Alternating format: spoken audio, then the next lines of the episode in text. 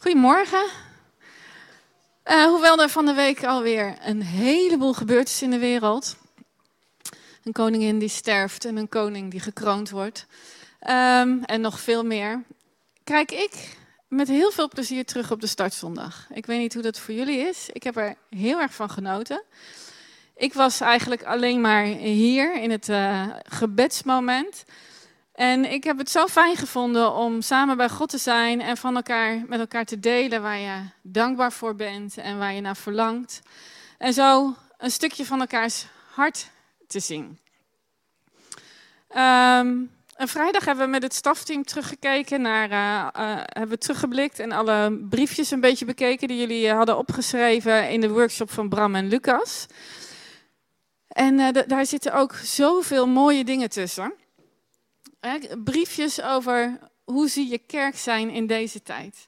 In een tijd waarin zoveel gebeurt, zoveel verandert, zoveel oorlog is, zoveel onrust is, verwarring en onrecht. En vanuit verschillende invalshoeken zijn een heleboel van die dingen die op die briefjes staan, komen, hebben ook overeenkomsten. En ik wilde even een paar voorlezen en uh, dit is gewoon even een korte bloemlezing. Dit is niet alles wat er geschreven is. Dit is ook niet alles wat we ermee gaan doen. Maar ik heb er even een paar uitgepikt die voor mij spraken. Ook in het verhaal van, voor vandaag. Kerk zijn in deze tijd. Een paar van de briefjes. Kerk zijn voor mij betekent een plek zijn die moedig stand houdt tegen de grote en kwade denkrichtingen van deze tijd, zoals populisme, racisme, vreemdelingenhaat, klimaatontkenning, fascisme. De kerk moet met begrip voor de angst van de mensen moedig weerstaan en een beter antwoord bieden. En een beter antwoord hebben wij. De kerk kan een bron van hoop zijn in tijden waarin mensen hopeloos of moedeloos kunnen worden van alles. Kerk zijn betekent voor mij dat ik er elke week aan herinnerd word dat ik niet alleen ben in mijn geloof en mijn missie, maar dat er een familie van gelovigen om mij heen staat.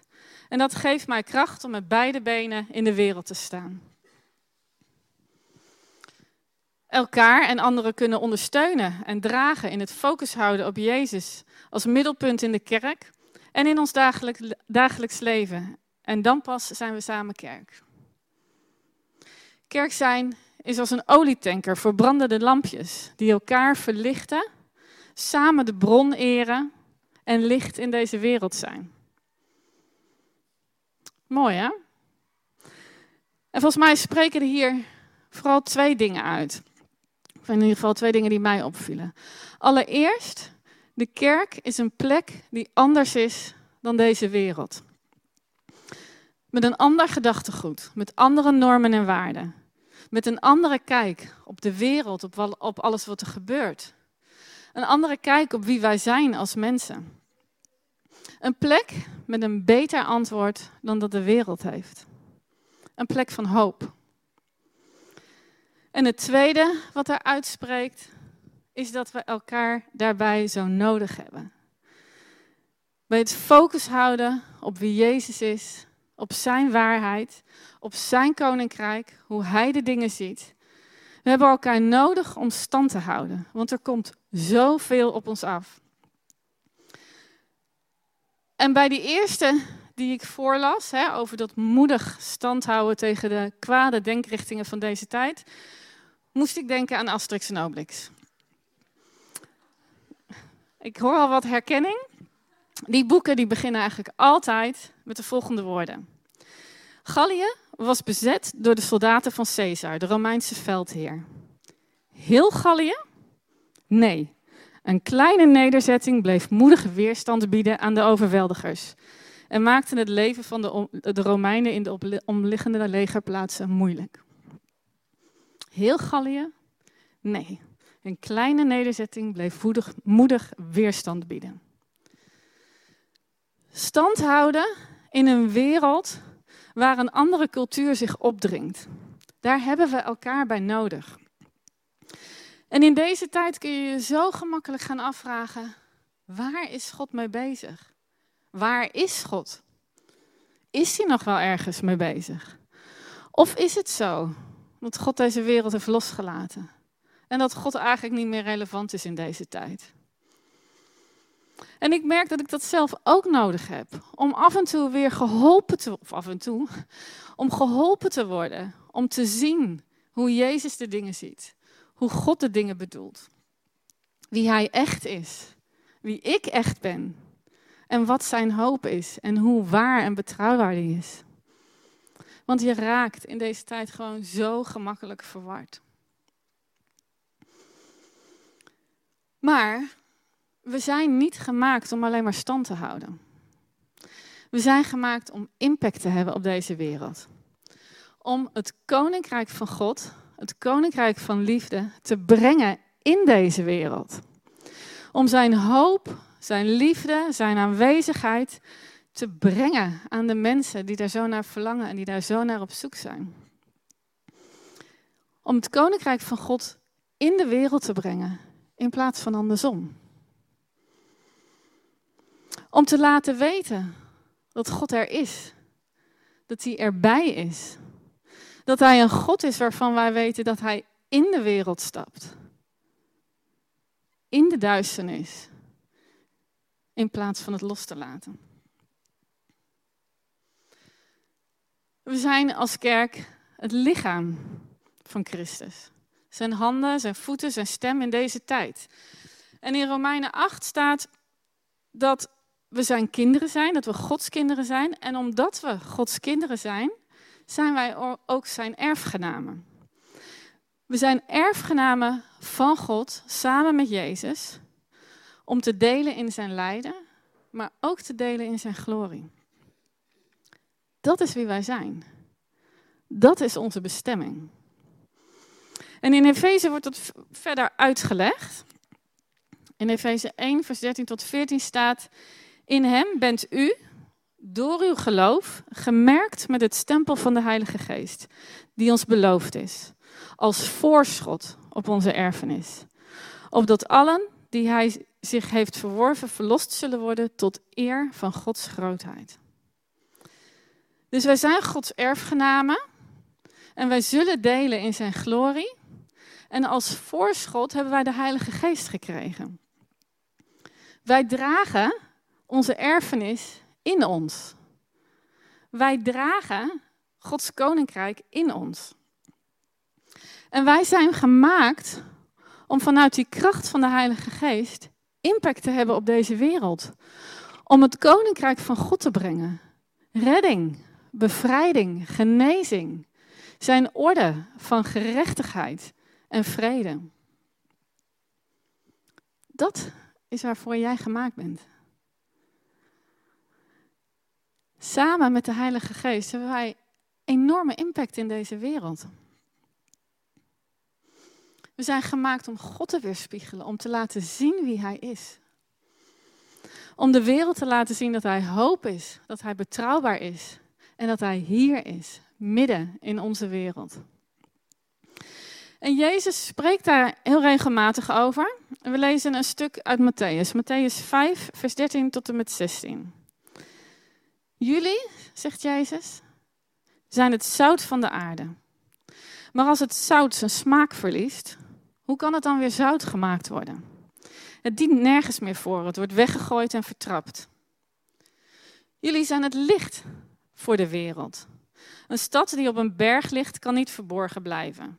En je steekt ook geen lamp aan om hem vervolgens onder een korenmaat weg te zetten. Nee, je zet hem op een standaard, zodat hij licht geeft voor ieder die in huis is. Zo moet jullie licht schijnen voor de mensen, zodat zij jullie goede daden kunnen zien en eer bewijzen aan jullie Vader in de hemel. Zout en licht. Zout is een smaakversterker. Als zout zijn smaak verliest, dan is het eigenlijk waardeloos geworden. Als je zout toevoegt aan eten, dan krijgt het smaak. Als iets niet zo heel veel smaak heeft, dan doe je er zout bij en dan krijgt het weer smaak. En iets wat niet zo heel veel smaak heeft, daar dan, daarvan denk je van, nou, nou, laat maar. Maar zout heeft nog een andere functie.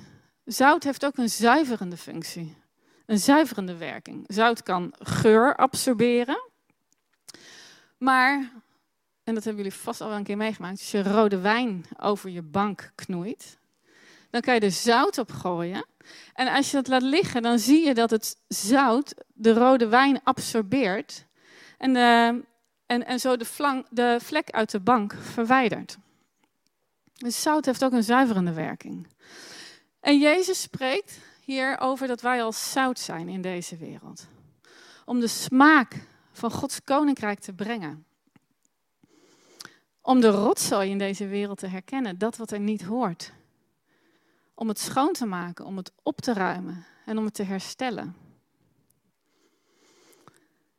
En dan het licht. Licht maakt dingen zichtbaar. als je ergens een lamp aan doet, dan zie je dingen die je eerst niet zag. En in een wereld die donker is, is wie God is niet altijd zichtbaar. En God wil zich zo graag laten zien. Door ons heen. Maar ook voor ons geldt het soms. Dat in deze wereld het soms moeilijk is om God te zien. als je lang in het donker bent en je, kijkt, je, je, je ogen moeten daarna, je kijkt daarna het licht in, dan moeten je ogen wennen aan het licht. En soms doet het pijn en dan heb je de neiging om je ogen af te wenden.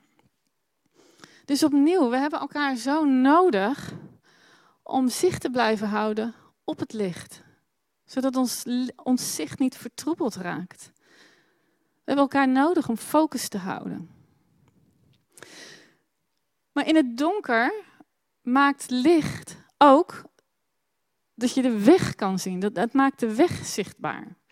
en daardoor kan je zien waar je loopt en kan je je door het landschap manoeuvreren. En in de psalmen staat dat Gods woord is als een, uh, een licht op ons pad en een lamp voor onze voet. Het maakt de weg zichtbaar. En als Jezus zegt dat we een licht moeten zijn, gaat het volgens mij ook daarover. En dat, niet dat je overal met Bijbelteksten moet gaan gooien. Maar we zijn als mensen zo op zoek om ons te navigeren in deze wereld. Daar hebben we wijsheid bij nodig. En Gods waarheid en Gods scheppingsorde is nog steeds het antwoord. Is nog steeds de hoop en hou vast die betrouwbaar is. Zoals Hij de wereld geschapen heeft en bedoeld heeft, dat is waar wij voor gemaakt zijn als mensen. Zijn veilige kaders van vrede. En ten diepste is dat waar ieder mens naar op zoek is. En wij hebben het licht dat de weg verlicht. En Jezus zegt: laat je licht zien. De wereld heeft deze antwoorden, mijn antwoorden nodig. Maar daarvoor is het nodig dat wij steeds opnieuw ons leven, ons denken in lijn brengen met Gods waarheid, met Gods koninkrijk. Hoe anders kan je het de wereld inbrengen? Als je je smaak verliest, word je waardeloos. En daarmee lijken wij als volgelingen van Jezus wel op dat uh, volk, dat kleine groepje Galliërs, die moedig stand houden tegen de oprukkende vijand en onderdrukker. En zijn we misschien wel uh, een olietanker op zee, waar de lichtjes hun olie halen, waar de lichtjes elkaar aanvuren, bij de bron zijn en ons laten vullen door de bron. En de zee is ruw en wild. Maar een schip, als we nog even in het beeld van die olietanker blijven, een grote boot. Een schip is gemaakt om te varen op het water, om de golven te weerstaan om de golven te nemen, om zich daarin te handhaven. Een schip is misschien veilig in de haven, maar daar is hij niet voor gemaakt. En als een schip zinkt op zee, is niet het probleem dat dat schip op zee was. Het probleem is dat de zee het schip in is gekomen. Het water dat het schip binnenkomt, is wat het doet zinken. Dat wij als gemeente als lichaam van Christus, de kerk, als het ware een boot zijn die op een woeste zee varen, in deze, de woeste zee van deze maatschappij. Dat is waar we voor gemaakt zijn als kerk. Dat is de bedoeling. En Jezus heeft bij voorbaat gezegd dat hij zijn kerk zal bouwen en dat de poorten van het dodenrijk haar niet kunnen overweldigen. De golven van de zee zullen haar niet kunnen overweldigen. Wij zijn gemaakt als kerk, als lichaam van Christus voor de golven van deze tijd. We horen op het water. En daar zijn we ook voor toegerust. Want we hebben al een deel van onze erfenis. We hebben de Heilige Geest. We dragen Gods koninkrijk, Gods kracht in ons. We zijn toegerust om als zonen en als dochter van de, van de Hemelse Vader te regeren en met autoriteit te wandelen in deze wereld. Om stand te houden, om smaak te brengen, om licht te brengen. En niet andersom. Want een schip zinkt als het water in de boot komt. En dat betekent niet dat we niet mee moeten bewegen met de tijd. Een boot moet zich ook manoeuvreren over de golven. Een schip moet meebewegen. Ik weet ook niet precies technisch gezien hoe dat dan allemaal moet, maar een boot kan dat aan. Die kan zich manoeuvreren op de golven. Met de veranderingen op de zee weet hij om te gaan. Maar ik geloof ook dat het over iets anders gaat. Iets fundamentelers hoe zorgen we dat er geen water in het schip komt? Hoe zorgen we dat we niet zinken? En wat betekent dat dan, stand houden? En hoe brengen we dan Gods koninkrijk de wereld in, in plaats van dat de wereld Gods koninkrijk inkomt? Hoe zijn we hoop? Hoe zijn we een veilige plek? Volgens mij gaat het daarbij om twee dingen: een koninklijke cultuur en een koninklijk karakter. Een koninklijke cultuur. We leven in een wereld met zo'n andere cultuur dan Gods koninkrijk. En hoe gemakkelijk komt die cultuur niet onze kerk binnen, het lichaam van Christus binnen? Terwijl het dus de bedoeling is dat wij het koninkrijk naar buiten brengen. We leven in een tijd waar het gaat om volledige zelfontplooiing, zelfverwerkelijking, misschien wel zelfverheerlijking. Kijk mij, kijk mij, kijk naar mij. Zie mij. En de maatschappij wordt steeds individualistischer. En what's in it for me? Wat heb ik eraan? Als het voor mij maar goed voelt. En weet je, ik ben daar gewoon net zo goed een onderdeel van. Hè? Ik herken dit ook in mezelf. Maar de cultuur van God is echt totaal anders. In Gods koninkrijk gaat het om de ander liefhebben. De ander eren. De ander hoger achten dan jezelf. Het gaat om de ander te dienen. Het gaat om nederig zijn. En Jezus zegt dat we familie zijn. Broers en zussen. We zijn afhankelijk van elkaar. We hebben elkaar nodig. We zijn een lichaam met verschillende onderdelen die afhankelijk zijn van elkaar en elkaar nodig hebben. Dat is Gods antwoord op het individualisme van deze tijd. Een gezin, een familie waar je bij mag horen. Waar je mag leunen op de ander, waar je de ander omhoog mag trekken als die struikelt. Een totaal andere cultuur. En we zijn in een tijd aangeland waar de belangrijkste motivaties voor keuzes en beslissingen vaak is: voelt het goed? En ik denk ook heel regelmatig: als ik dit doe, wat gaat het mij opleveren? What's in it for me? Is het mijn effort wel waard? Ben ik niet gek dat ik dit doe? beslissingen en keuzes worden gemaakt op basis van hoe het voor ons voelt. En heel eerlijk, ik vraag me af of dat een waarde is die past bij Gods koninkrijk.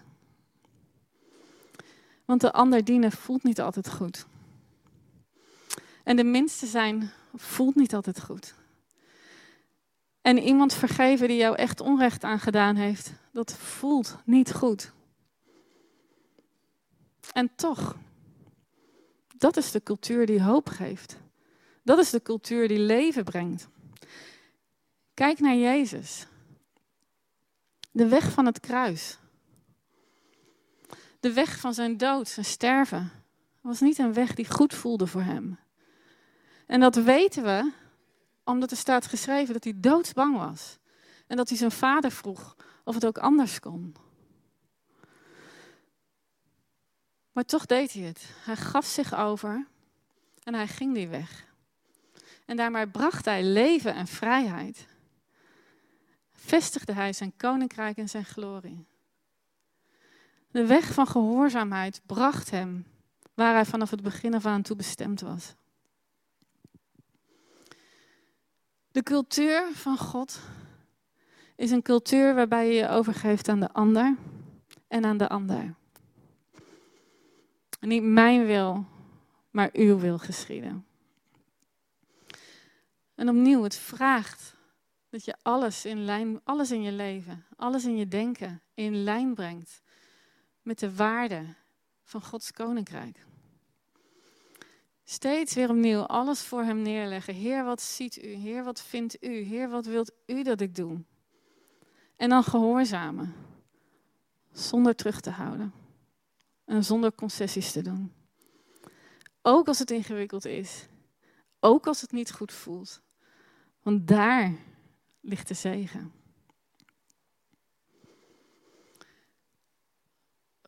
De koninklijke cultuur is een cultuur die recht ingaat tegen de cultuur van deze tijd, die op de golven van de zee vaart. Maar dat vraagt dus ook een koninklijk karakter, een koninklijke manier van denken. Het vraagt vertrouwen. Vertrouwen dat de principes van Gods koninkrijk werken. En dat wat in de Bijbel staat waar is. Dat Gods beloften waar zijn, ook al zie je ze nog niet. En het vraagt om geduld, om te wachten op Gods timing. En soms vraagt het te verdragen wat je graag anders zou zien. En te vertrouwen dat God echt, echt weet waar hij mee bezig is. Het vraagt soms wachten in plaats van zelf aan de gang te gaan. He, zoals Abraham deed toen de zoon die hem beloofd was maar niet kwam en maar niet kwam en maar niet kwam. En hij een zoon verwekte bij een andere vrouw. We kunnen de beloftes van God niet zelf verwezenlijken. Het vraagt vertrouwen en geduld. Het vraagt toewijding aan Jezus, waarbij het motief van je keuze steeds mag zijn: Heer, brengt dit eer aan wie u bent? Laat ik hiermee zien wie u bent. Laat ik hiermee zien wie u wilt zijn in deze wereld voor de mensen om mij heen. En het vraagt een afstemmen op de Heilige Geest. Een vertrouwen op de Heilige Geest. Dat je toegerust bent om met Hem samen te werken. Dat je autoriteit hebt gekregen om te spreken en te handelen in deze wereld. En dat alles wat je nodig is, nodig hebt, beschikbaar is voor je. En Hij helpt je zo graag. Het vraagt dus eigenlijk een niet gaan zonder Hem. Opnieuw niet de makkelijkste weg, maar wel de weg die leven geeft, die hoop geeft. Want God weet wat hij aan het doen is. En er is niets wat hem uit de vingers is, is geglipt. En we hebben elkaar nodig om dat perspectief voor ogen te houden. Dus we zijn gemaakt om impact te hebben in deze wereld. Om Gods koninkrijk te brengen waar de wereld zo naar verlangt. Om zout en licht te zijn. Om te laten zien wat de antwoorden zijn voor deze tijd. En daarmee gaan we dus recht in tegen de cultuur van deze tijd. En zijn we dus een volk wat moedig weerstand biedt aan de overweldiger van deze tijd. Zijn we een groot schip op een wilde, woeste zee. En misschien denk je wel, ik wil helemaal niet in zo'n olietanker zitten. Ik vind zo'n olietanker ook helemaal niet mooi. Tenminste, ik vind ze niet zo heel erg mooi. Misschien wil je wel een zeilbootje zijn die zo lekker over het water zoeft, wensbaar is. Snel kan gaan en over het water lijkt te vliegen. Maar in een storm heb je een boot nodig, een schip nodig wat koers houdt. Wat steady is. Dat niet met alle winden meewaait. Een schip waar je op kan vertrouwen dat je er veilig bent als je erin bent. Waar je op kan vertrouwen in de storm. Omdat je weet dat het water van de boot, van de zee, niet zomaar in de boot komt. Want als een boot zinkt, is dat niet omdat het op zee is, maar omdat het water van de zee in de boot komt. We dragen Gods koninkrijk in ons. Gods geest woont in ons. En daarmee mogen wij samen met Hem Gods cultuur, koninklijke cultuur en een koninklijk karakter brengen in deze wereld. Want dat is waar we voor gemaakt zijn. En ik weet niet uh, wat dat bij jou oproept. Als Jezus zegt dat we zijn als zout en licht, wat denk je daar dan bij? Verschil maken in deze wereld? Gaat je hart sneller kloppen? Of denk je, mm, ik vind dat wel ingewikkeld? Misschien schuurt het wel een beetje bij je. Want het is niet altijd een comfortabele plek om te zijn. En het, en het vraagt een intense samenwerking met de Heilige Geest. En in hoeverre heeft de cultuur van deze tijd postgevat in jou? En de plek ingenomen van het koninkrijk van God. De cultuur en het karakter van God. En heeft waar jij voor gemaakt bent aan kracht ingeboet. Zullen we gaan staan? Zullen we samen naar God toe gaan? Ik wil je uitnodigen om je hart te openen. Misschien je handen te openen. En uh, te wachten op wat God tegen jou wil zeggen. Hoe hij jou wil ontmoeten. In waar je in je denken of in je voelen zit. Kom, Heilige Geest.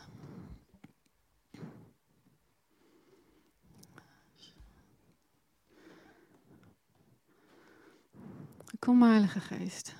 Dank u wel dat u hier bent, Heer. Om ons te ontmoeten. Om ons te bemoedigen, om ons te bekrachtigen. Om ons te zegenen. En dank u wel dat u ons aan elkaar gegeven hebt. Dat we elkaar mogen helpen om u te volgen. En het zout en het licht in deze wereld te zijn. En ik zegen jullie om Gods koninkrijk te brengen in deze wereld. Om zout te zijn, om licht te zijn.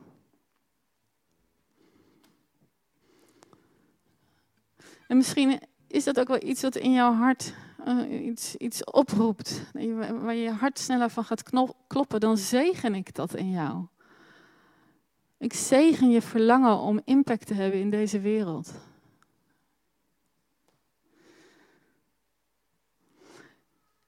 Ik zegen in jullie de autoriteit die God jullie gegeven heeft om met autoriteit te spreken, te wandelen, de weg te wijzen. Heer, en ik uh, bid dat u ons één maakt. Als uw lichaam. Heer, bind ons aan elkaar. Help ons om samen op weg te zijn.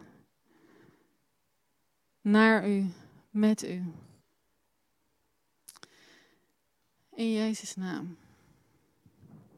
Amen.